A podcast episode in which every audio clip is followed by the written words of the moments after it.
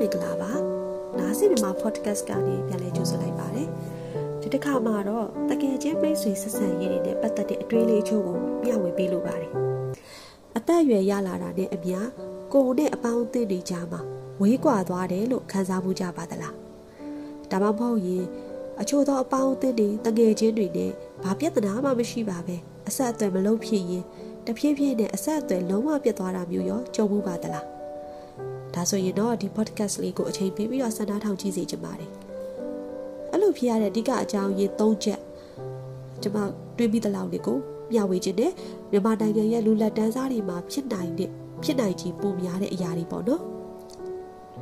ပထမအဆုံးခုလိုမျိုးဝေးကွာသွားစီရတဲ့အကြောင်းရင်းကတော့အသက်အရွယ်ကြောင့်ဖြစ်ပါတယ် အဲ့ဒီလိုအပေါင်းအသင်းနေနဲ့ဝေးကွာလာတဲ့အတွေ့အကြုံခံစားချက်မျိုးတွေကိုတက်လက်ပိုင်းအထူးသဖြင့်ဒီ25 35ပေါ့နော်အရွယ်တွေမှာပိုခံစားလာရပါတယ်။ဘာလို့လဲဆိုလို့ရှိရင်တော့အဲ့ဒီအရွယ်ကလူငယ်ဘွားကနေလူလက်ပိုင်းကိုကုပြောင်းတဲ့ဘဝရဲ့အချိုးကွင်းတစ်ခုဖြစ်လို့ပါ။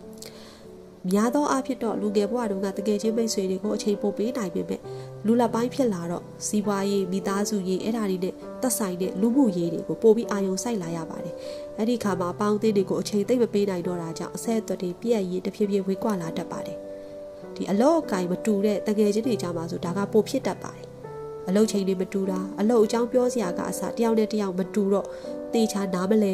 နိုင်တာအလုတ်အကြောင်းရင်ဖွင့်ခြင်းပေမဲ့ သေချာဆွေးနွေးတိုင်ပင်လို့မရတော့ဒီတိုင်ပင်လို့ရနိုင်မဲ့အလုပ်ထဲကသူလုပ်ငန်းသဘောတဘာဝလုပ်ငန်းနဲ့ပဲတူတဲ့သူတွေနဲ့ပဲစကားပို့ပြောပြလာတယ်အဲ့ဒီလိုနဲ့ငကိုကပေါင်းလာတဲ့အလောက်ကိုင်မတူတဲ့တငယ်ချင်းတွေနဲ့ကြတော့အသက်ကြီးလာတာနဲ့အမျှပိုပြီးဝေးကွာလာပါတယ်ဒုတိယတစ်ချက်ကတော့အသက်အရွယ်နဲ့အတူပြောင်းလဲရေးကျက်လာတဲ့ကိုယ့်ရဲ့စိတ်သူ့ရဲ့စိတ်ကြောင့်ပေါ့နော်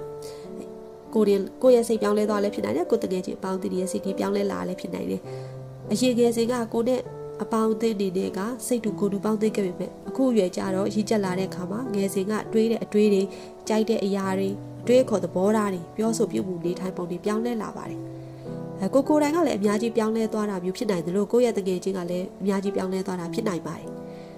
တခါတလေမှာအဲ့ဒီလိုပြောင်းလဲမှုတွေကြောင့်ကိုနဲ့ကိုယ့်ရဲ့တငယ်ချင်းအချို့ကအရင်လိုအကြိုက်မတူတော့တာစကားပြောလို့အဆင်မပြေတော့တာ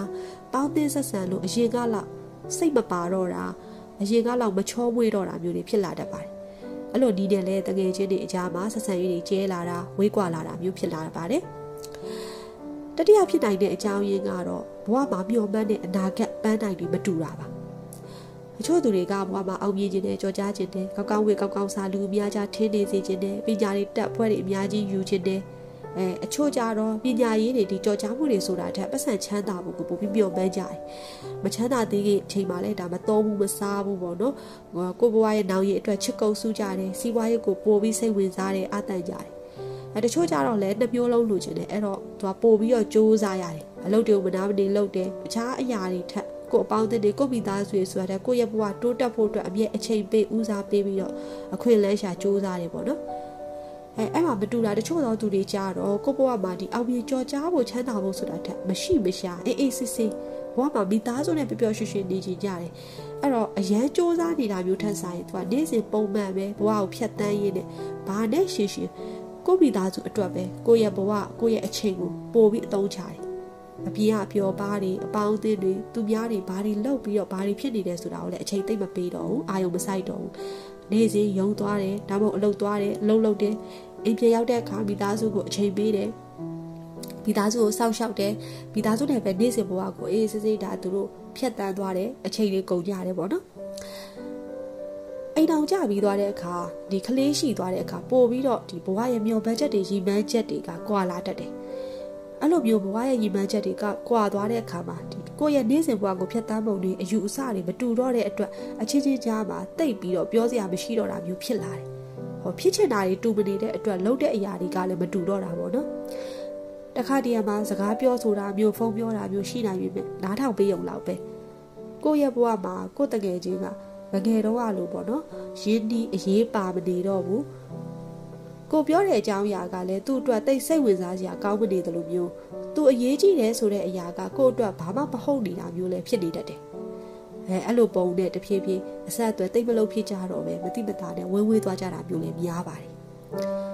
ဟုတ်ကဲ့ပါအခုကတော့ဒါအကြောင်းရင်း၃ချက်လေးကိုကျွန်မကကျွန်မအတွင်းလေးကိုဝေပြပေးတာဖြစ်ပါတယ်အခုလိုအချိန်ပေးပြီးနားထောင်ပေးတဲ့အတွက်လည်းကျေးဇူးအများကြီးတင်ပါတယ်အတွင်းလေးတွေကိုဒီညဝေခြင်းတဲ့အတွက်ကြောင့်အခုတလောမှာတော့ random တော့အပီဆုံးလေးတွေပဲတင်ပြနေတယ်ပေါ့နော်ဒါပေမဲ့လည်းဘ ഹു တုတရကြအကြောင်းလေးတွေကိုလည်းအလင်းသစ်သလိုဝေပြပေးသွားမှာဖြစ်တဲ့အတွက်ကြောင့်မို့စောင့်မျှော်နေနားဆင်ပေးကြပါဦးရှင်အားလုံးပဲကြမ်းပါပေးကြပါစေ